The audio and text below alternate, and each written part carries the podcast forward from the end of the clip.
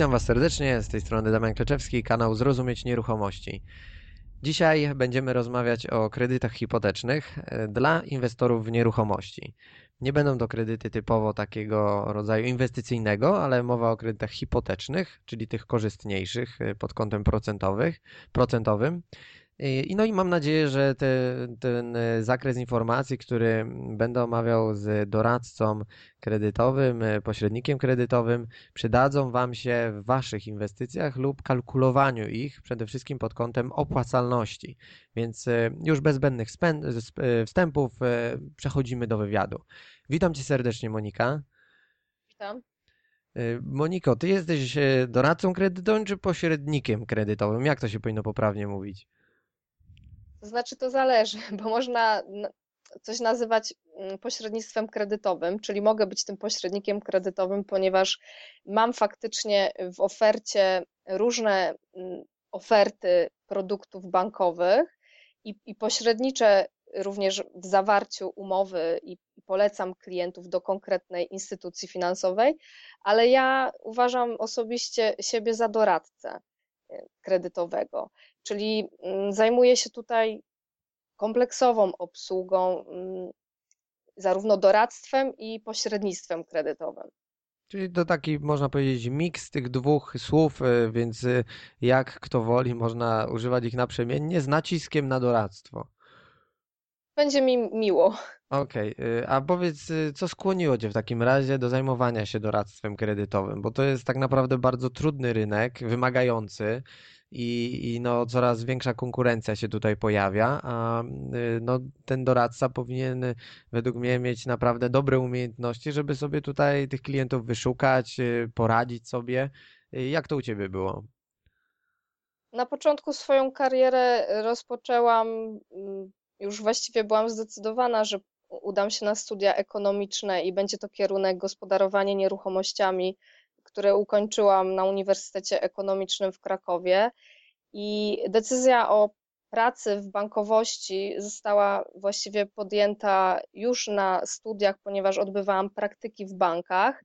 Następnie pracowałam y, po drugiej stronie lustra, tak naprawdę, czyli nie miałam kontaktu z klientami, natomiast miałam kontakt z analitykami i i z pośrednikami właśnie, czyli pracowałam tak jakby od drugiej strony. Poznałam mniej więcej wszystkie aspekty takiej pracy, y, jak powinna przebiegać współpraca pośrednika właśnie z bankiem i po jakimś czasie zdecydowałam się, że zostanę doradcą finansowym w banku. Także moja praca początkowo zaczęła się w banku, Natomiast y, ponieważ oferta mnie ograniczała tylko i wyłącznie do tego jednego banku, zdecydowałam się podjąć tutaj współpracę z większą ilością instytucji, jak nie wszystkimi, którzy oferują kredyty hipoteczne, tak aby klienta, y, klientowi przedstawić kompleksową ofertę, żeby ta oferta była szeroka, dopasowana do jego potrzeb. Nie chciałam się ograniczać. Jasne, no bo wiadomo, że, że rynek jest szeroki, a możliwości y, sobie byśmy podcinali, że tak powiem, pracując tylko dla jednej firmy. A powiedz y, w takim razie, Mm, jak, jak to faktycznie jest z tym pośrednictwem, z tym doradztwem kredytowym, kiedy to klient, y, powiedzmy, przychodzi do ciebie i chce kredyt, i, i czy on y, przez to więcej płaci? Dla, y, w sumie za, za ten kredyt, choćby ze względu na wyższą marżę, czy też są jakieś dodatkowe prowizje ukryte, których sam klient nie widzi, bo ja już tak będę przechodził do coraz bardziej, powiedzmy, takich konkretnych pytań związanych z samym kredytem, bo to jest istotne, a według mnie no, wielu ludzi nie ma tej świadomości, skąd takie czasami stereotypy się biorą, że poprzez powiedzmy zatrudnienie w cudzysłowie doradcy kredytowego płacimy więcej, więc szukajmy na własną rękę. Jakbyś tutaj obaliła ten stereotyp, bądź Y, po części nawet, nie wiem, potwierdziła? Jak to jest? Ja nie pobieram takich prowizji, także tutaj y, nie jestem w stanie się wypowiedzieć za, za cały rynek, jak to wygląda u innych pośredników, doradców y, hipotecznych. W tym momencie posiadam w ofercie produkty bankowe, w tym kredyty hipoteczne, które nie są obarczone żadnymi dodatkowymi kosztami i klient tak naprawdę ma identyczną ofertę, tak jak w banku. Oczywiście jest, y, są sytuacje, zdarza się, że banki proponują oferty trochę inne dla określonych na przykład grup zawodowych. I w tym momencie pośrednicy są wyłączeni ze sprzedaży, z dystrybucji takich produktów, polecania, i w tym momencie klient może udać się bezpośrednio do banku.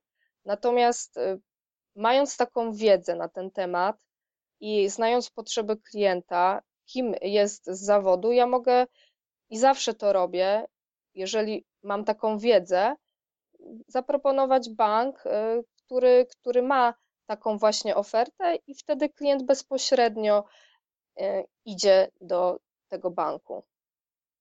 Ale samo, y, znaczy, bo mówisz, że nie pobierasz prowizji, y, rozumiem tu od klienta, ale y, takową prowizję za nawiązanie współpracy klienta przez ciebie z bankiem i dojścia do tego, wzięcia tego kredytu, no to bank chyba tobie wypłaca. Na ten moment banki wynagradzają pośredników i płacą im mhm. prowizję za, no, mhm. za taką, za polecanie klientów.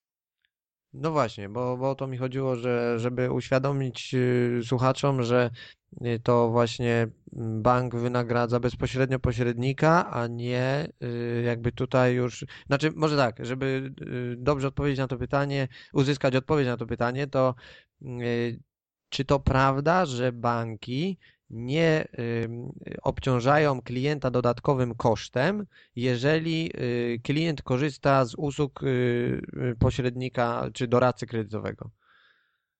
Nie obciąża klientów taką, taką prowizją, jeżeli, jeżeli klient korzysta z takiej pomocy. Okej, okay, czyli jakby można to zweryfikować w taki sposób, że jeden y, powiedzmy y, kredyt y, staramy się wziąć za pomocą powiedzmy ciebie, a drugi kredyt samemu w innym banku i, i wtedy widzimy, czy znaczy innym banku to już wtedy inne warunki by były, ale powiedzmy to już się mija z sensem, żeby brać dwa razy w dwóch różnych kanałach z klient może, no. klient może sam zweryfikować tutaj prawda, jakby moją pracę, czyli udać się do banku. No tak. Y, wszystkie, y, że tak powiem, kontakty tutaj z doradcami bankowymi, z którymi współpracuję, są jawne. Więc w każdym momencie, jeżeli klient sobie życzy, mogę podać kontakt. Zresztą często doradcy bankowi również się kontaktują z moimi klientami już bezpośrednio i w tym momencie sobie zweryfikować taką informację. Aha, Często się zdarza też, że negocjujemy tutaj marże i mm, oferty pośredników kredytowych są nawet lepsze od warunków standardowych. Posiadamy wynegocjowane tak naprawdę stawki. E, są dedykowane oferty dla pośredników, dla doradców kredytowych, specjalne, tak aby też e, oczywiście cenowo korzystne dla klienta, które klient nie, nie, nie jest w stanie dostać e, na, na, tak naprawdę bezpośrednio w banku. Więc wszystko zależy. Czyli tutaj jakby e, potwierdza się informacja, że nie dość, że e, ten mit, który czasami pokutuje, że korzystamy z pośrednictwa, to płacimy droższy kredyt, to w dodatku korzystając z Twoich usług klient może uzyskać jeszcze lepsze, bardziej preferencyjne warunki dla siebie, niż by samodzielnie o taki kredyt występował. Tak, zgadza się dokładnie. Y, a powiedz mi, czy y, w związku z tym, że na przykład y, są tacy klienci, że powiedzmy przeszukasz rynek tych ofert kredytowych, które są i wybierzesz najkorzystniejszą opcję dla tego człowieka, no i, i wtedy klient mówi: OK, to dziękuję, i bierze, wie, ma cynk już, że tak powiem, do jakiego banku się udać, idzie i tam składa wniosek, bo już mu zrobiłaś research, wykonałaś jakąś swoją pracę, no i on tak naprawdę, nie wiem, chce ciebie ominąć, żeby bezpośrednio uderzyć, y, myśląc, że y, no, będzie to dla niego tańsze rozwiązanie. Oczywiście ja się bardzo cieszę, że ktoś y, słucha moich rad i uda się do tej instytucji, chociażby nawet bez mojego udziału. Natomiast jeśli zaczynamy współpracę, to określamy jasno warunki. Informuję klienta, że jeżeli uda się do tego banku bezpośrednio, to być może nie będzie miał takiej możliwości na przykład negocjowania ceny bądź nacisku nawet na bank w postaci takiej, żeby na przykład przyspieszyć procesowanie. I, i tutaj ustalamy od razu zasady naszej współpracy, ale robimy wszystko, wszystko w, w takiej wolności, prawda? Jeżeli klient pójdzie oczywiście za, za moją radą właśnie do tej instytucji, no to, to okej, okay, ja to rozumiem. Może się tak zdarzyć. Powiedz... Chociaż y, osobiście hmm? mnie nigdy się nie zdarzyło, więc to też zależy od relacji, jaką zbuduje się na początku z drugim człowiekiem. Także y, tutaj y, ja traktuję klientów też na równej stopie, prawda, że chcę też na tyle pomóc, tak jakbym ja miała wziąć ten kredyt, prawda? Czyli patrzę przez swój pryzmat w tym momencie. Mhm. A Monika, powiedz, y, jeżeli możesz, y, o takiej umowie pośrednika z bankiem. Y, jak ona w ogóle wygląda? Może nie chodzi o konkretne zapisy, co do tego, ile bank tak naprawdę średnio wypłaca pośrednikom za takie kredyty, które dochodzą do skutku. Że nie wiem, czy to jest zależne od kwoty tego kredytu, czy po prostu są to sztywne jakieś widełki. Jak, jakiego rodzaju są to pieniądze, czy też procent przy każdym każdej takiej umowie? Umowę z bankiem można zawrzeć właściwie na dwa sposoby, jako pośrednik, czyli bezpośrednio z konkretnym bankiem, mm, mm, chociaż niektóre banki nie, nie uznają takiej współpracy. Y, I w tym momencie jest druga opcja nawiązania, podpisania umowy przez tak zwanego dużego pośrednika, który ma stabilną pozycję na rynku. Y, I, i w tym momencie mm, składania jakby zapytań, ofert, czyli wniosków, procesowanie tych wniosków poprzez dużego y, pośrednika. A co do procentu prowizji y, i, i ogólnie wynagradzania za naszą pracę, za moją pracę, y, są to stawki prowizyjne, prowizyjne procentowe. Mniej więcej mm, w zależności od oferty, od produktu, można powiedzieć, że kształtują się to prowizje od 0,5% do około 2%.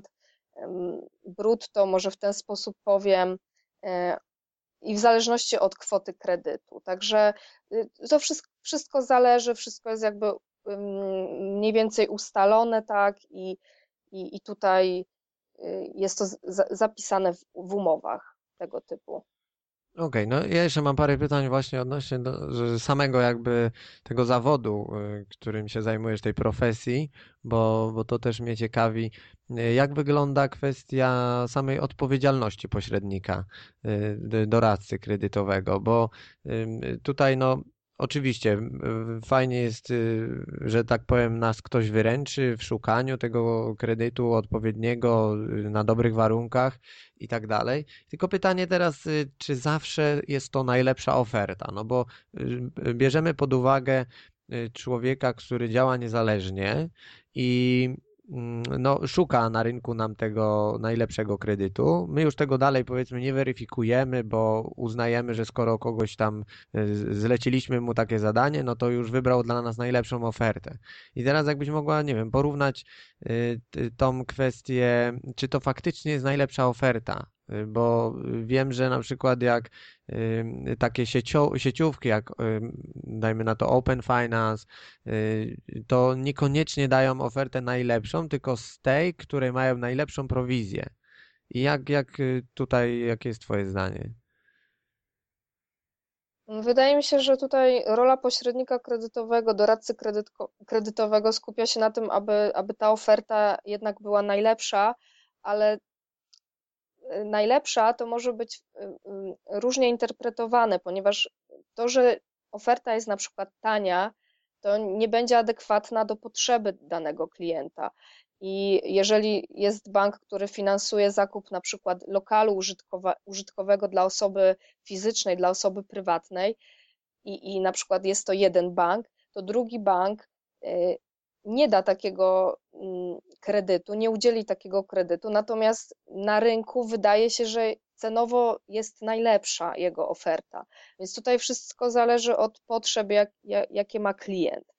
Natomiast co do kierowania mm, wniosków klientów do, do banków, gdzie, gdzie najlepiej pośrednik na tym zyskuje, ja uważam osobiście, że jest to nieetyczne i to rynek sam zweryfikuje y, takie postępowanie, ponieważ klienci w każdej chwili mogą to zweryfikować. Także y, tutaj taka nieuczciwość y, i, i chęć, chęć zysku, prawda, nie, nie patrząc na, na tą korzyść bo, klienta, no uważam, że jest to niebezpieczne.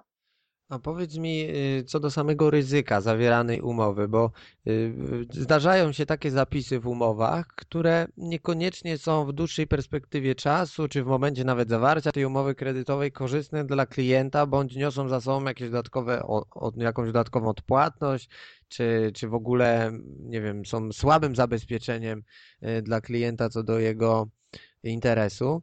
I teraz, czy ty jako osoba, która też y, masz po części wpływ na przygotowanie takiej umowy, jakoś y, inter, nie wiem, wczytujesz się też w te zapisy, tłumaczysz klientowi o tych wszystkich zagrożeniach, czy tam punktach, które są w tej umowie, a mogą być dla niego mniej korzystne, ale jest to dla niego na przykład jedyna opcja wzięcia kredytu, żeby klient miał świadomość tego, co podpisuje, no bo wielu po prostu widząc wszystko napisane czcionką 6, no na 15 stronach nie, nie ma ochoty lub wiedzy w ogóle, jak to y, interpretować. Praca w banku tutaj na początku dała mi dużo y, do myślenia i zdobyłam takie doświadczenie, że często klienci podpisują umowy faktycznie bez, e, bez e, konkretnej, prawda, tutaj świadomości, bo pracując w banku, pracowałam właśnie z pośrednikami i klienci, którzy do mnie byli kierowani, właśnie pochodzili od pośredników, od doradców, od doradców kredytowych i faktycznie e, czasami byli niedoinformowani.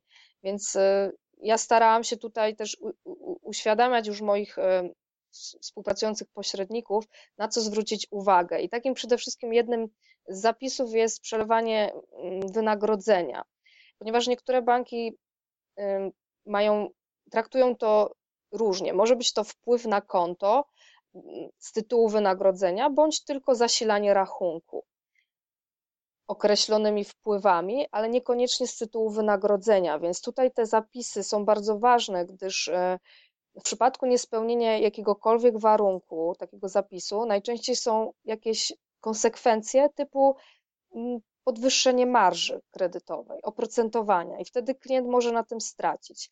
A różne są sytuacje, bo na początku klient może posiadać faktycznie tą umowę o pracę i, i posiadać to wynagrodzenie z tytułu umowy o pracę, natomiast y, za jakiś czas zało założyć na przykład działalność gospodarczą i w tym momencie już tego wpływu z tytułu, z tytułu umowy o pracę nie będzie. Zatem można wtedy negocjować takie warunki cenowe indywidualne z bankiem i na przykład zmienić taki zapis na regularne wpływy y, na konto, ale nie określone z jakiego tytułu.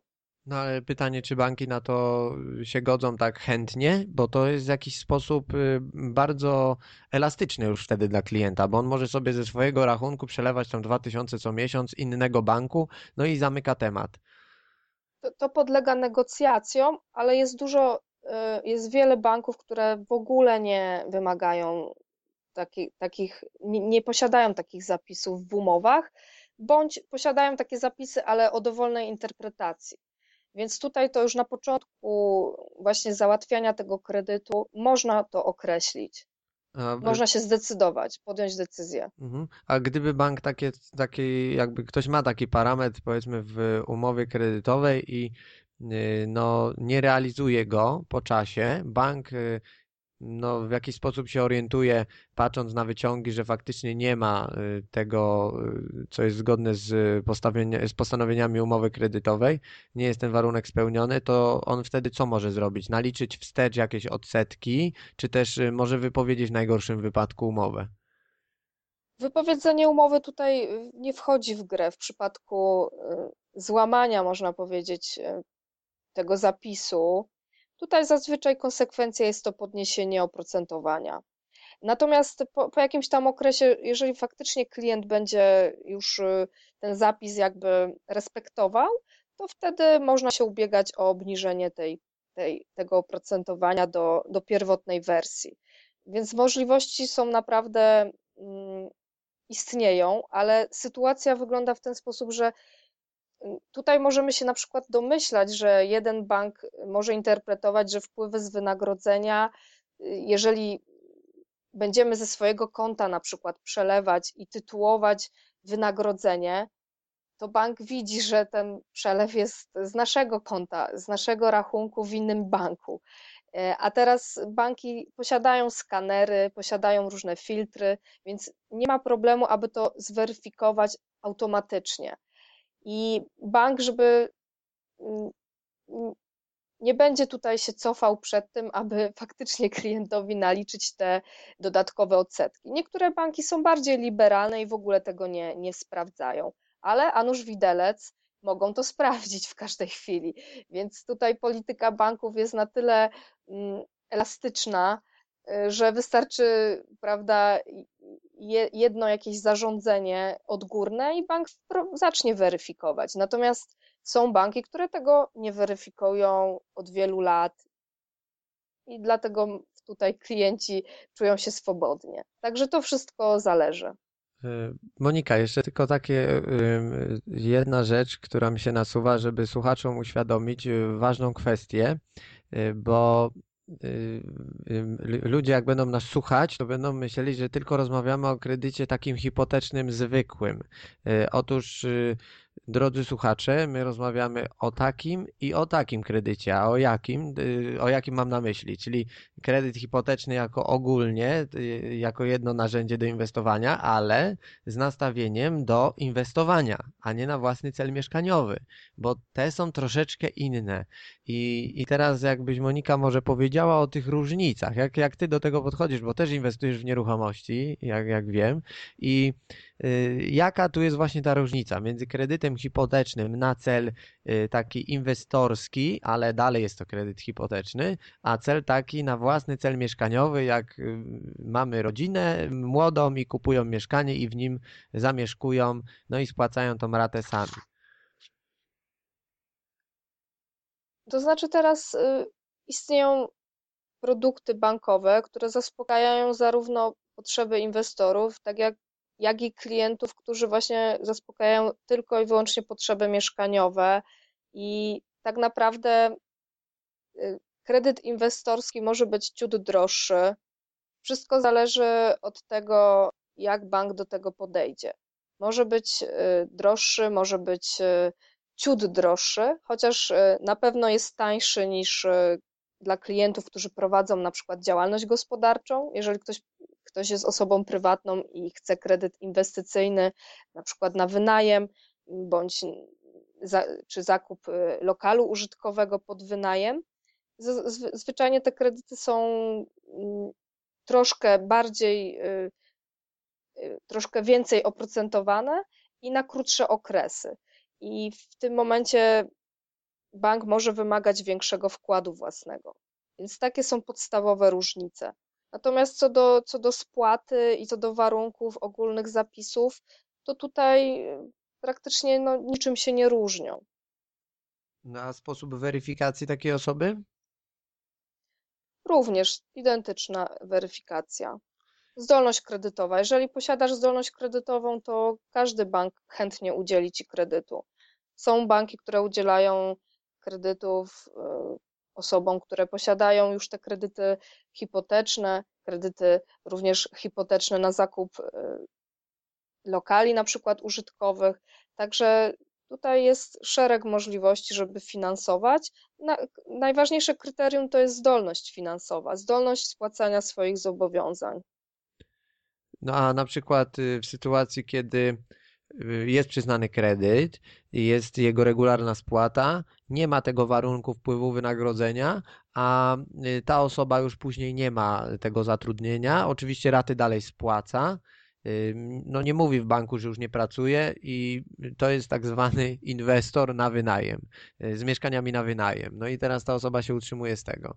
Jak y, tutaj, czy jest jakaś, jakaś opcja, że bank y, się dowie o tym, czy też no, no to nawet jak ma wpływy z, z, z tytułu najmu na ten sam rachunek, z którego później są pobierane raty kredytu, no to czy w jakiś sposób tutaj bank może jeszcze y, zareagować, y, typu dojść do wypowiedzenia umowy?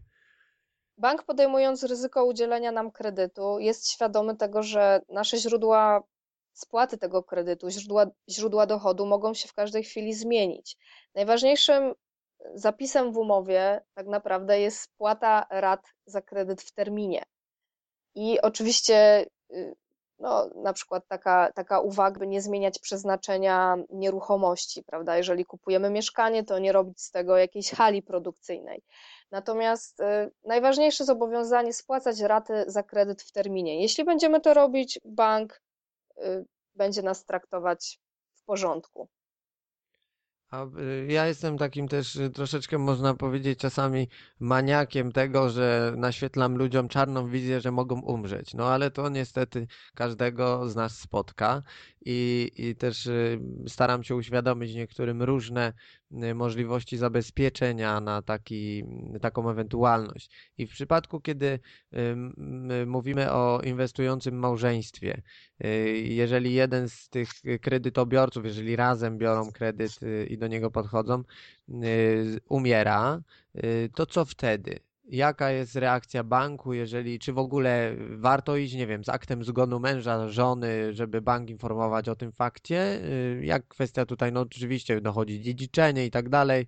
Jakbyś w tym kontekście jak najwięcej informacji mogła przekazać?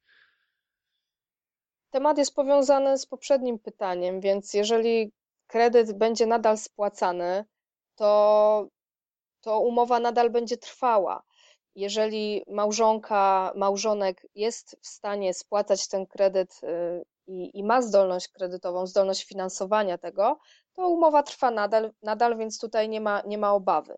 Natomiast no, no bank trzeba poinformować o śmierci małżonka. Często kredyty hipoteczne coraz częściej banki wymagają ubezpieczeń na życie i cedowania tutaj e, wierzytelności właśnie mm, tutaj z tych umów na, na w szczególności na bank, czyli bank tak naprawdę jest uposażonym, może w całości, może częściowo, więc tutaj uruchomiona może zostać właśnie cesja z tej polisy i częściowo te zobowiązania mogą zostać spłacone. Ja jestem akurat zwolennikiem ubezpieczeń e, na życie, sama w ofercie posiadam, rynek wymusił również posiadanie tutaj w ofercie tego typu produktów i, i za niewielkie, tak naprawdę za niewielką opłatą można miesięczną, można zabezpieczyć siebie przede wszystkim, i, a, a najważniejsze to bliskich, prawda? Jeżeli ktoś posiada rodzinę, dzieci, warto o tym pomyśleć. Często y, banki oferują również takie ubezpieczenia. Trzeba to zweryfikować, czy te ubezpieczenia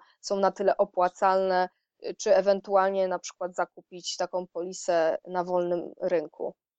A powiedz mi, czy wtedy na przykład jak do banku zgłaszamy się z aktem zgonu y, partnera, to y, bank y, może dodatkowo zweryfikować tego drugiego pod kątem jeszcze raz przeliczenia zdolności kredytowej, a jeżeli nie ma źródeł dochodu, ale spłaca regularnie z różnych innych tam powiedzmy źródeł ten kredyt, ale nie ma takiego źródła dochodu z etatu, no to co wtedy? Czy, czy bank podejmuje jeszcze raz taką weryfikację? Raczej nie, nie stosuje się takich rzeczy. No tutaj y, to jest naprawdę taka sytuacja właściwie bardzo przykra dla tej osoby i tutaj bank też nie jest instytucją taką, która y, jest bezwzględna, więc y, trzeba tutaj z bankiem rozmawiać, zgłosić ten fakt i, i dalej spłacać kredyt. Ewentualnie, jeżeli małżonek, no bo nie jest w stanie spłacać tego kredytu, być może chciałby rozłożyć ten kredyt na większą ilość rat, być może częściowo spłacić, tak, jakiś system spłat zmienić. Niektórzy posiadają oprocentowanie, mm, to znaczy system spłat na przykład malejących, woleliby to zmienić na równe, więc y, możliwości jest naprawdę dużo. Należy na, najgorszej, najgorzej to siedzieć, e, że tak powiem, w domu i, i zastanawiać się, co bank zrobi. Trzeba się z tym zmierzyć w tym momencie. A jeszcze taki ostatni wariant, y, który chciałem zapytać, y, w przypadku, kiedy jedna osoba jest kredytobiorcą, y, singiel, i on schodzi z tego świata, to co wtedy? W tym momencie tutaj następuje tak zwane ustalenie spadkobierców. Jeżeli, jeżeli ta osoba posiada spadkobierców, to, to spadkobiercy mm, będą musieli tutaj, jeżeli chcą nadal spłacać ten kredyt, zawrzeć na nowo umowę, bo tutaj w tym momencie y, banki chcą raczej spłaty, ponieważ y, jeżeli um, umrze osoba, która posiada ten kredyt, to umowa się natychmiast rozwiązuje. Więc tutaj też należałoby do banku się zgłosić i jako spadkobiercy dowiedzieć się, jak w danym momencie sytuację przeprowadzić. Ale jest wtedy potencjalna szansa, że tych spadkobierców bank będzie chciał weryfikować, bo to są zupełnie nowe osoby. Na pewno będzie weryfikacja, na nowo będzie badana zdolność kredytowa. Mhm. A w sytuacji, kiedy oni nie mają na przykład dochodów, yy, może być tak, że umowa będzie wypowiedziana. Tak, umowa zostanie wypowiedziana i wtedy bank będzie już y, w postępowaniu, będzie, no, przejdzie nieruchomość na własność banku. Mhm, jasne. A powiedz mi, mm, czy jest coś takiego w ogóle jak dziedziczenie kredytu y, z takiego założenia, że y, no nie wiem, jest małżeństwo, ma dziecko, które zostaje jakby jak rodziców nie ma i tym dzieckiem się zajmują, nie wiem, dziadkowie, dajmy na to. No i wtedy za dziadkowie za to dziecko niepełnoletnie, które odziedziczyło mieszkanie, spłacają dalej ten kredyt. Taka, taka forma dziedziczenia kredytowego. Jest coś takiego? Dziedziczenie kredytowego to bardziej jeśli chodzi o, o tutaj y, prawo spadkowe, prawda? Że no tak. Tym, mhm. Czyli y, jeżeli ma, jeżeli tak naprawdę spadkobiercą jest osoba niepełnoletnia, małoletnia, to tutaj sąd ustanawia kuratora i w tym momencie kurator decyduje, co dalej. Jeżeli dziadkowie są w stanie spłacać to zobowiązanie, to, to kwestia jest też tutaj Mm, ugody z bankiem, rozmowy z bankiem, tak? Jak, jak, jak to y, wszystko rozplanować, czy, czy dziadkowie są w stanie spłacać ten kredyt. Mhm. Bo dziecko nie dziedziczy, y, y, przyjmuje wszystko z dobrodziejstwem inwentarza, bądź może odrzucić ten spadek, jeżeli zadłużenie przekracza majątek. Mhm, no jasne. No teraz te procedury spadkowe też e, się troszeczkę ustabilizowawały, można powiedzieć, na no korzyść e, Jest bardziej bezpiecznie, prawda? Więc tak. tutaj y, no, no nie, nie można, nie, nie ma się czego bać w, w tym momencie. No, mo, można po prostu odrzucić spadek bądź, bądź przyjąć z tą dobrodziejstwem inwentarza. Wtedy, wtedy udać się do notariusza, zrobić wykaz tego inwentarza, spisać protokół. To też są być może pewne koszty i trzeba się zastanowić, czy jeżeli mamy tą świadomość y, i wiedzę, co zaciągał tak naprawdę spadkodawca, bo, bo tego, tego nie wiemy. Mhm. Możemy tego nie wiedzieć, nie mieć takiej wiedzy. No jasne. A y, jeszcze ostatnie takie pytanie w tych, y, wśród tych y, powiedzmy negatywnych konsekwencji, jakie mogą nastąpić, to powiedz mi, w jakich sytuacjach realnie bank może faktycznie tą umowę kredytową nam wypowiedzieć, żeby przestrzec słuchaczy przed różnymi wariantami, żeby oni nie myśleli, że to jest nie niemożliwe, tylko jest możliwe, tylko kiedy? Jeżeli kredyt jest spłacany prawidłowo, terminowo, to w tym momencie bank nie wypowiada umowy. Jeżeli są zadłużenia i te zadłużenia są powtarzalne, bank wysyła monity, kieruje monity, próbuje tutaj rozmawiać w ten sposób z kredytobiorcą. Jeżeli kredytobiorca wykazuje chęć rozmowy, taki kredyt można zawsze restrukturyzować. Można rozmawiać z bankiem o o wydłużeniu okresu kredytowania, o umorzeniu też y, pewnej części odsetek. Dlatego no tutaj już są rozmowy z działem windykacji, najczęściej tak się to nazywa w bankach i no należy się przyznać, y, y, jeżeli faktycznie są takie trudności finansowe, to a osoba ma chęć spłaty i, i chce, chce płacić, ale na przykład mniejsze raty, to warto rozmawiać z bankiem w tym momencie. Y, wiesz co, jeszcze mi się takie pytanie nasuwa, bo y, wśród y, osób, które czasami ze mną rozmawiają o samych kredytach hipotecznych, ja, żeby dać im konkretną odpowiedź, odsyłam właśnie do y, jakiejś konkretnej książki, czy też y, do, do samego doradcy.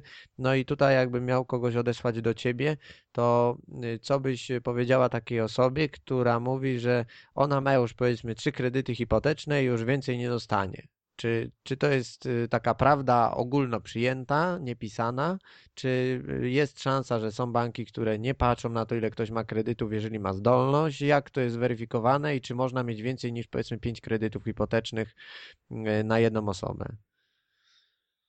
Ja pracowałam z osobami, które, z klientami, które posiadają w portfelu e, aż nawet 10, 10 kredytów hipotecznych kredytów mieszkaniowych, na, nawet na, na lokale użytkowe, więc tutaj wszystko zależy od banku. Więc jeżeli jest, jest klient i ma zdolność y, finansową, zdolność zaciągania kolejnych zobowiązań, jest, jest wiarygodny dla banku, y, bank, bank to rozumie, bank widzi, że klient się też rozwija, że, że, że ma ten dochód, że generuje. W tym momencie istnieją banki, które udzielają tych tych kredytów i, i nie ma żadnych obostrzeń, oprócz zdolności kredytowej. No to przynajmniej potwierdza się to, że, że są przypadki, oczywiście, no nie zawsze się to da zrobić, ale jednak y, jest pewien szlak przetarty, że faktycznie no, jest taka możliwość, nie tak, że już Może być też taka sytuacja, że te kredyty mogą wcześniej czy później być trochę droższe dla tego klienta. Jak wiadomo, banki są wnikliwe i, i wiedzą dokładnie też na co klient, że nie będzie mieszkał w dziesięciu nieruchomościach naraz i zresztą być może źródłem też y, tutaj dochodu, źródłem dochodu są też y, umowy najmu, są wpływy z tytułu najmu, więc to jest wszystko jakby jasne i klarowne dla banku. No i dlatego bank może zaproponować droższą ofertę, może być właśnie ten krótszy okres kredytowania, jak również y, wyższy wkład własny, ponieważ bank nie chce też ryzykować, bo, bo wie, że, ten, że klient mając tyle zobowiązań, no w każdej chwili jakieś tam posunięcie z jego strony, ze strony osoby, która ma tyle tych zobowiązań, może być niefortunne, no może prowadzić tak naprawdę do bankructwa.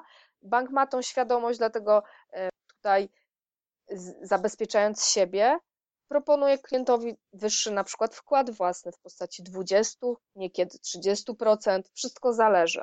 Więc tutaj banki podchodzą bardzo indywidualnie. Natomiast e, jeżeli no już ta zdolność kredytowa się wyczerpie na osobę fizyczną i która chce zaciągać zobowiązania na osobę, na, na osobę fizyczną, no pozostają kredyty inwestycyjne już dla osób, które prowadzą działalność, które prowadzą spółki.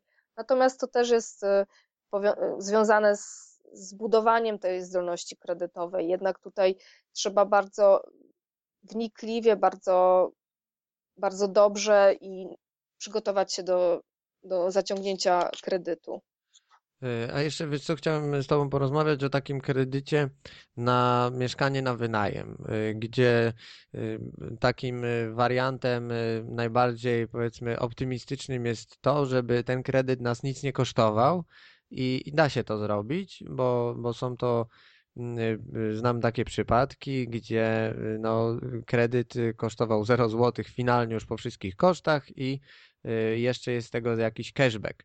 Y, jak byś powiedziała y, w skrócie, jak taki proces wygląda dla inwestora, który chciałby, który chciałby właśnie ten kredyt w taki sposób przygotować?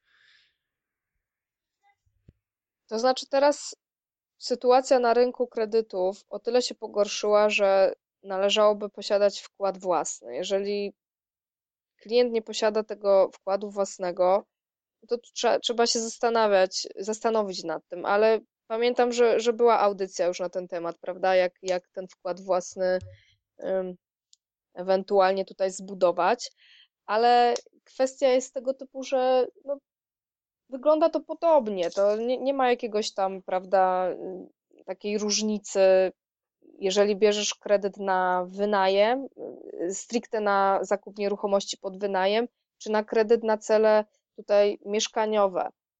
Tak jak już wspomniałam, znam klientów, którzy mają dwójkę dzieci, e, czyli czteroosobowa powiedzmy rodzina, ma już 10 nieruchomości na wynajem i nie prowadzi działalności gospodarczej z tym związanej na, na ten moment.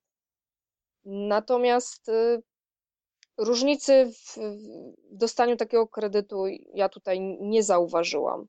Oprócz mhm. tego, jeżeli klient, jeżeli bank faktycznie się zorientuje, czyli tak jakby analityk powie, ale pan już ma faktycznie te 10 nieruchomości i, i to jest na pewno na zaspokojenie, nie na zaspokojenie swoich potrzeb mieszkaniowych, chociaż są klienci, którzy lubią się przeprowadzać z mieszkania do mieszkania, no to, no to wtedy może zaproponować po prostu inne warunki cenowe, ale proces załatwiania kredytu jest identyczny. Nie ma różnicy. Okej, a y, wiesz co, jeszcze tutaj taka, y, taką informację chciałem przekazać osobom, które pracują jeszcze poza krajem, a chcą inwestować w Polsce, no bo ta możliwość w roku, y, z tego co kojarzę, 2014 się skończyła rekomendacją S, gdzie banki już nie przyznają kredytów w złotówce, jeżeli ktoś zarabia w funtach, we frankach bądź w euro. I czy takie osoby jeszcze mają jakąś furtkę w Polsce do inwestowania przez kredyt hipoteczny? No właściwie, jeżeli nie mają dochodu, które, które jest wypłacane w złotówkach, w walucie polskiej, jest to dość ciężkie, więc tutaj należałaby, należałoby, aby ta osoba zatrudniła się, prawda, tutaj w Polsce, ewentualnie świadczyła usługi na, na terenie Polski i, i otrzymywała ten dochód, dochód w złotówkach. Jeżeli ta osoba już jest inwestorem w nieruchomości, to wystarczy wy, wykazać dochód z najmu, prawda? Jeśli natomiast osoba, która no nie, nie ma tutaj jeszcze zbudowanego kapitału, nie ma, nie ma inwestycji, mm, które mogłaby tutaj jakby pokazać y, bankowi, że, że ma dochód z tego tytułu, no to będzie musiała się bardzo namęczyć, bym powiedziała. Czyli łatwych wyjść już nie ma wtedy. Łatwych wyjść za bardzo nie ma. To znaczy są, istnieją na rynku, ale tu trzeba by było faktycznie zdobyć zatrudnienie w polskiej, najlepiej w polskiej y, firmie, albo przynajmniej, żeby ten dochód był wypłacany w walucie polskiej. A powiedz mi, czy są jakieś właśnie takie sektory, y, firmy, które no, są lepiej interpretowane, e, znaczy może tak, lepsze dla banku i, i bank chętniej takich klientów przyjmuje lub osoby pracujące dla takich firm z danego sektora, e, a innych gorzej, bo wiem, że na, na przykład e, zupełnie kiepską sytuację mają osoby, które pracują w budowlance, a zupełnie bezproblemowo kredyty dostają lekarze. Tak, więc jakby takie porównanie. Tutaj banki badając y, zdolność kredytową i wiarygodność klienta stosują różne systemy do badania takiej zdolności. I wiarygodności są to tak zwane ratingi, scoringi, różnie to się nazywa.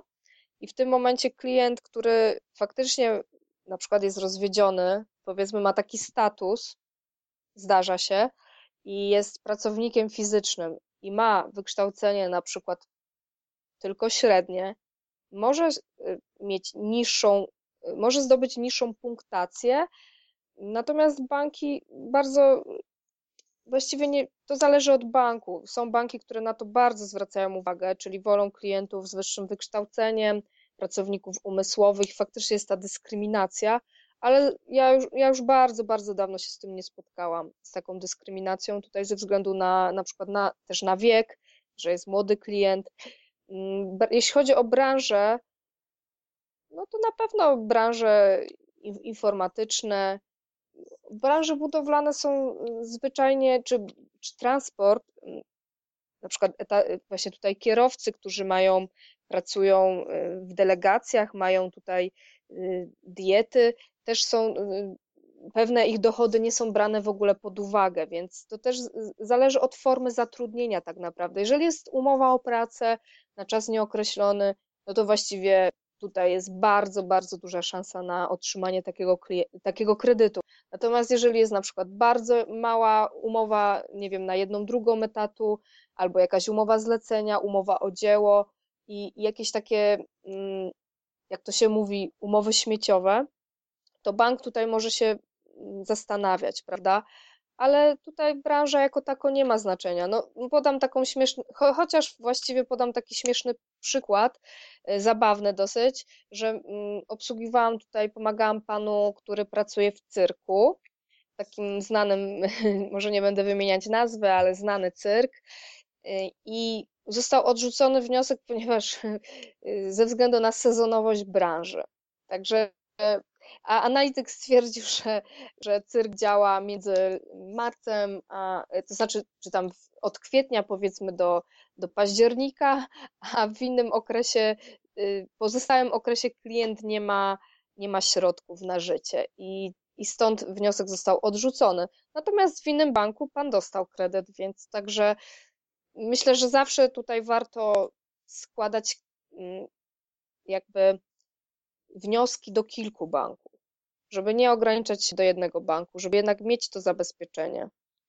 A do ilu banków maksymalnie warto złożyć y, wniosek, żeby nie wpłynął, y, ta, znaczy ta ilość wniosków, naszych zapytań y, do, do BIK-u, żeby jakoś nie wpłynęła właśnie na obniżenie scoringu? Czy, takie, czy taka zależność jest?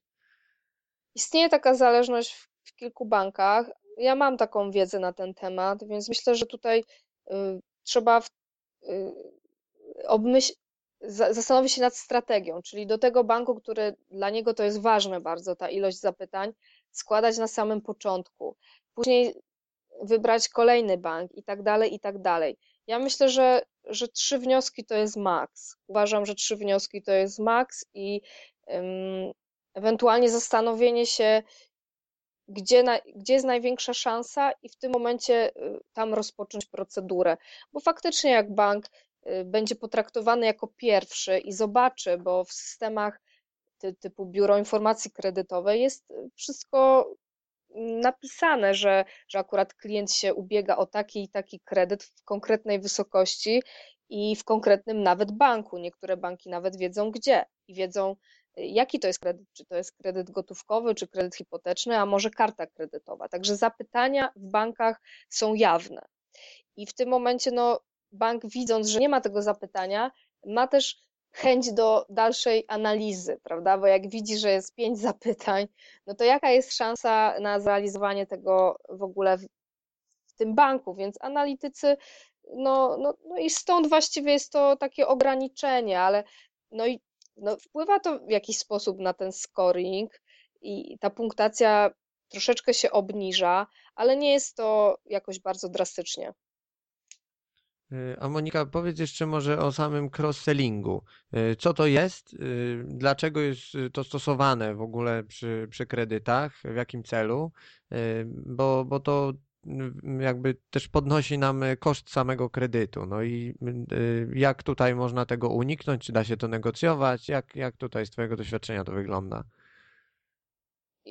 Nie, niekiedy w bankach jest cross-selling e, obowiązkowy. Jest, bar jest bardzo niewiele banków, które nie wymagają nic tak naprawdę. Czyli może to być albo konto, konto bankowe, czyli założenie rachunku osobistego w danym banku, bądź na przykład karta kredytowa. Może być to ubezpieczenie na życie, może być to ubezpieczenie od, od, utraty pracy lub jakiś pakiet ubezpieczeń. Niektóre produkty są faktycznie dobrowolne.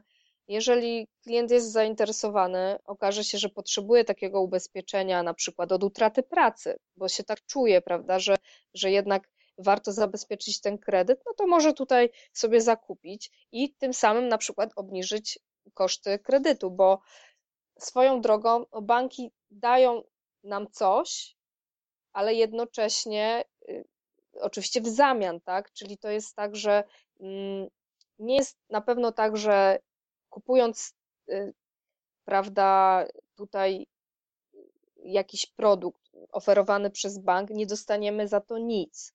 są jakieś tam korzyści, ale to trzeba wszystko obliczyć, więc myślę, że to jest kwestia e, indywidualnego już, już podejścia do tematu. Powiedz mi, Monika, y, jeżeli klient y, ma kartę kredytową już danego banku, czy to mu pomoże w przypadku y, wzięcia kredytu, czy też jakoś właśnie w drugą stronę, obniży mu zdolność kredytową? Jeśli tak, to na ile to może wpłynąć na, na taką zdolność i, i jego ogólną sytuację? Posiadanie karty kredytowej może obniżyć zdolność kredytową faktycznie, dlatego przed zaciągnięciem kredytu i zamierzeniem właśnie wzięcia tego kredytu należałoby zbadać tą zdolność kredytową. Miałam do czynienia z klientami, którzy, z osobami, które nie posiadały żadnych zobowiązań nigdy w życiu. Były to osoby młode, często po studiach, e, rozpoczynające pierwszą pracę i nie posiadały żadnych zobowiązań, w tym kart kredytowych, i, i automatycznie nie dyskwalifikowało to ich wcale e, z, z zaciągnięcia takiego zobowiązania. Więc uważam, że to osobiście nie ma to znaczenia, wręcz może to przeszkadzać. Wręcz może to przeszkadzać. Oczywiście, jeżeli ktoś chce sobie budować tą wiarygodność kredytową, to jedną kartę można zaciągnąć, ale przed wzięciem kredytu, jeżeli jest taka możliwość, warto ją spłacić bądź zmniejszyć limit do minimum. Jeszcze chciałem się zapytać o taką ogólną y, sytuację kredytów hipotecznych, jaka jest y, na rynku obecnie, obecnie, bo banki straciły teraz możliwość y, choćby korzystania z, z tych narzędzi, jakimi są pewne dla nich zabezpieczenia, jak bankowy tytuł egzekucyjny i co jest stosowane w zamian. Jak bank się zabezpiecza tutaj w przypadku utraty tego narzędzia? Z tego co wiem, to Niektóre banki wprowadziły coś takiego, oświadczenie o poddaniu się egzekucji, które będzie podpisywane w obecności notariusza. Natomiast na dzień dzisiejszy, mm, podpisując umowy ostatnie, nie spotkałam się z tymi zabezpieczeniami. Czyli na razie jest standardowe zabezpieczenia. Podpisywane wszystko jest w banku, czyli oświadczenie o poddaniu się egzekucji. Mm, no i właściwie tyle. Czyli tak naprawdę banki, pozbywając się tego narzędzia, jakby nie wprowadziły nic w zamian i są w gorszej sytuacji. Chwilowo nie mam takiej wiedzy i podpisywałam dwa tygodnie temu umowę z bankiem. Takiego dokumentu oprócz oświadczenia o poddaniu się egzekucji nie widziałam. Mhm, okej. Okay. A co do samego podatku bankowego, który już zaczął działać, y, jest to widoczne na marżach y, kredytu? Marże kredytowe poszły w górę i banki wykorzystały moim zdaniem sytuację, więc to jest kwestia jakiejś tam propagandy.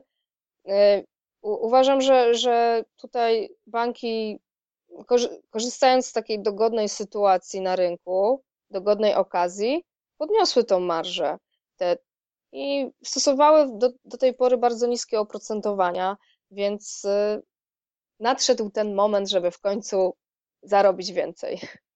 No tak, no to właśnie po to, po to są takie czasami momenty, żeby Tak. to banki no, no. wiedziały. Mhm. Niektóre, niektóre banki z tego skorzystały, niektóre nie, więc wszystko zależy, trzeba sprawdzić. Nawet niektóre banki zaczynają obniżać, także konkurencja nadal jest, jest y, sporo tych instytucji, można z nimi też negocjować warunki cenowe. Także myślę, że to jest kwestia jakiejś tam propagandy też. Okej, a powiedz mi, y, już tak przechodząc może z jednej strony ku końcowi, ale jeszcze tutaj mam parę pytań co do samych, co do samej współpracy z bankiem. Czego należy bezwzględnie y, przestrzegać przy, przy umowie kredytowej, przed jej podpisaniem oczywiście? Y, na co klient musi zwrócić uwagę, żeby no, wszystkie dane jakby były zgodne. No to najczęściej śledzimy tylko powiedzmy tą sekcję umowy, w której mamy tam te najistotniejsze parametry typu y, marża, kwota kredytu, nasze dane, PESEL, daty i tak dalej, ale y, czy są jeszcze jakieś inne ważne y, rzeczy, które klient powinien wiedzieć, czy na co zwrócić uwagę? Sytuacja wygląda w ten sposób, że tak jak już wspomniałeś przed momentem, że warto sprawdzić na te zapisy mm, szczegółowe umowy dotyczące nas samych, czyli poprawność tych warunków cenowych, które, które się udało nam wynegocjować, być może właśnie zapisy, które mówią o tym, czy musimy przelewać wynagrodzenie, a o ewentualnych konsekwencjach nieprzelewania tego wynagrodzenia na, na rachunek bankowy. No bezwzględnie na pewno, no prawda, tutaj za, podpisując taką umowę trzeba być świadomym, że, że tą ratę trzeba płacić systematycznie, prawda, w terminie, żeby nie narazić się na jakieś y, przykre konsekwencje. Mm, na pewno tutaj y, prawnik, z którym współpracuję, wspominał mi o takiej rzeczy i zawsze mnie na to uczulał, żebym z klientem, nie, żebyśmy nie negocjowali umowy ogólnej, ponieważ te umowy, jeżeli będziemy negocjować takie ogólne zapisy, prawda, nie, nie dotyczące warunków cenowych, tylko ogólne zapisy, że coś nam się nie będzie podobało, to, y, to taka umowa y, później nie będziemy mieć argumentów w sądzie ewentualnie, że bank stosował klauzule niedozwolone.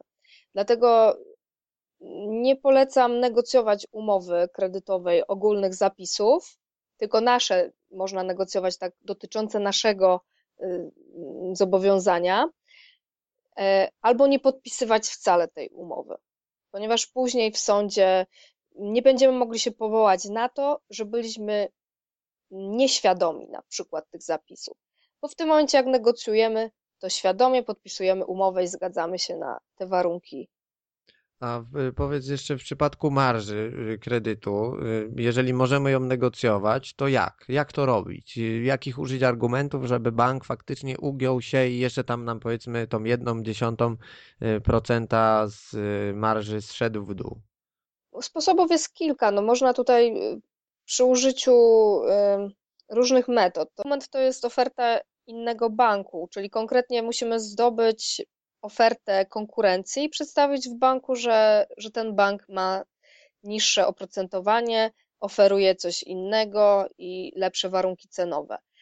Natomiast drugim argumentem może być y, tak, że możemy umówić się z bankiem, że ma, mając swoje oszczędności, wpłacimy na jakiś depozyt, na przykład na lokatę, też są takie możliwości. Są możliwości również e, negocjowania, jeżeli wiemy, że nas na to stać i będziemy wpłacać na, że będziemy przelewać na rachunek banku jakieś określone duże kwoty mm, pieniędzy z naszego wynagrodzenia i nie tylko, tak? Możemy po prostu zasilać ten rachunek.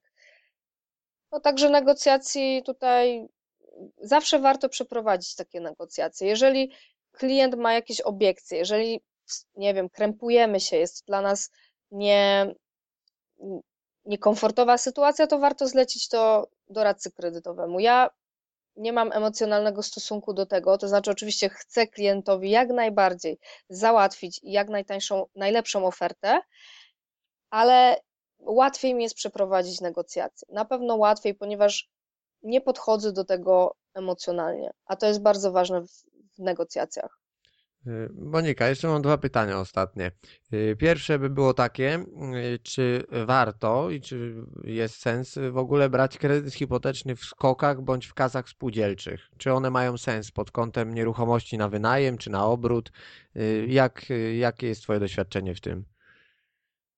Ja osobiście nie mam w ofercie tego typu instytucji, chociaż całkiem jest to interesujący na, dzień, na ten moment temat i, i chętnie tutaj, że tak powiem, spróbuję to rozeznać, jeżeli będę miała takie zapytanie od klienta, natomiast do tej pory nikt y, jeszcze y, nie, nie zgłosił takiej potrzeby. Mm, skoki w tym momencie podlegają tutaj nadzoru Komisji Nadzoru Finansowego od 2012 roku, więc myślę, że, że ma to sens. Także być może y, warto, warto też zasięgnąć tutaj informacji, jak wygląda mm, finansowanie w tego typu instytucjach. E, a jeszcze właśnie ostatnie pytanie moje. Mm, powiedz mi, co dzieje się z naszym kredytem hipotecznym, jeżeli bank y, upadnie? Jeżeli ogłosi upadłość i, i, i co? No nasze długi się nie kasują raczej. Co się z nimi dzieje? Długi się nie, nie, nigdy nie skasują, niestety. Także tutaj być może ktoś ma nadzieję, że faktycznie system bankowy się zachwieje i, i coś się stanie i jakiś tam bank zbankrutuje. No banki są zazwyczaj y, wykupywane, tak? I, i te wszystkie y, długi, które, które posiadamy, y, przechodzą na innego wierzyciela, tak? Jest to, jest przeprowadzane tutaj szereg spraw związanych z tą upadłością i tak naprawdę tutaj już, już no, nie, nie ma to jakby znaczenia, no trzeba spłacać ten kredyt, także my nie mamy z tego tytułu żadnego zagrożenia, czyli my czujemy się bezpiecznie, ale musimy spłacać, czyli terminowo, terminowo wywiązywać się z naszej umowy. No ale okej, okay, ale czy jest taka możliwość, że y, y, ten upadły bank przejmie syndyk masy upadłościowej i wtedy y, wszystkim klientom jak leci umowy wypowie? Nie znam takiego przypadku w historii, chyba że jesteś w stanie coś podpowiedzieć. No nie, ja tak hip hipotezę taką daję, bo taki, takie coś mi się też nasuwa jako jakaś tam powiedzmy ostateczność już, ale no okej, okay, to... Myślę, myślę, że nie wiem, nie wiem na ten temat. Jak coś to będzie chyba koniec świata e, bardziej prawdopodobny, tak mi się wydaje. Mhm. Chociaż no, zobaczymy. Czas y, pokaże. Monika, powiedz jeszcze słuchaczom tylko, jak można się z Tobą skontaktować, przez jakie kanały jesteś dostępna, gdzie się można z Tobą spotkać, jak działasz, bo z tego, co rozmawialiśmy, to też jest możliwość, mm, bo Ty jesteś z Krakowa, ale jakby ktoś, nie wiem, z Helu czy z Gdańska chciał też wziąć kredyt hipoteczny za Twoim pośrednictwem, to jest to wykonalne. Jakbyś powiedziała, jak to jest możliwe? No tutaj dzięki rozwojowi techniki i tutaj źródeł, źródeł właśnie mm, możliwości tak naprawdę mm, internetu, możemy wszystko robić tak naprawdę też na odległość, możemy się spotkać, ja też dojeżdżam do klienta, chętnie pojadę nad morze, mam, mm, klienci też y, tutaj osoby się zgłaszają z zagranicy, y, którzy akurat posiadają mm, dochody na terenie Polski, bądź chcą zaciągnąć kredyt w walucie, także odległość nie gra roli. Można się ze mną kontaktować różnymi kanałami. Odpowiadam na SMS-y, na maile, jestem na Facebooku, można mnie również znaleźć na Skype'ie, także kanały kontaktu wszystkie dozwolone. Zapraszam. No to e, jakbyś według nazw, e, jakbyś wymieniła kilka, żeby chociaż odesłać kogoś do strony internetowej, bądź nie wiem, numer telefonu, czy tam maila e, takiego firmowego?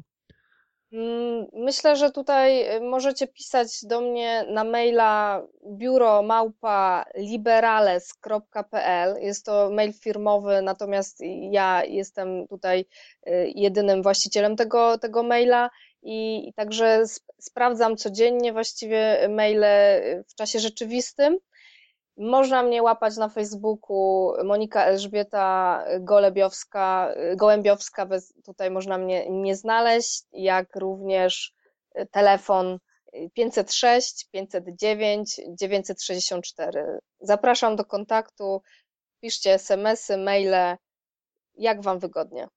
Y, tu jeszcze może dodam, że Monika przed wywiadem mówiła mi, że jak ktoś y, z tego kanału kontestacja i powoła się na kontestację na mój y, kanał Zrozumieć Nieruchomości, to też przygotowała dla takiej osoby jakąś miłą niespodziankę, jeżeli ta osoba za pośrednictwem Moniki skorzysta z jej usług.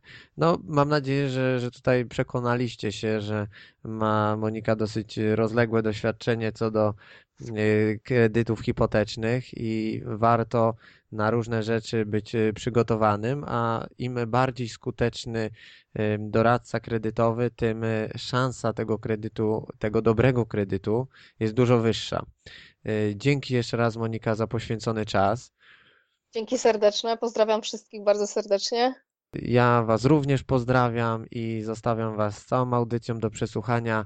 Y, także do następnego. Y, ja mm, przez miesiąc czasu od y, momentu wypuszczenia tej audycji nie będę dostępny, także za dłuższy czas się ponownie usłyszymy z nowymi gośćmi, także wyczekujcie kolejnych nagrań. Pozdrawiam Was serdecznie.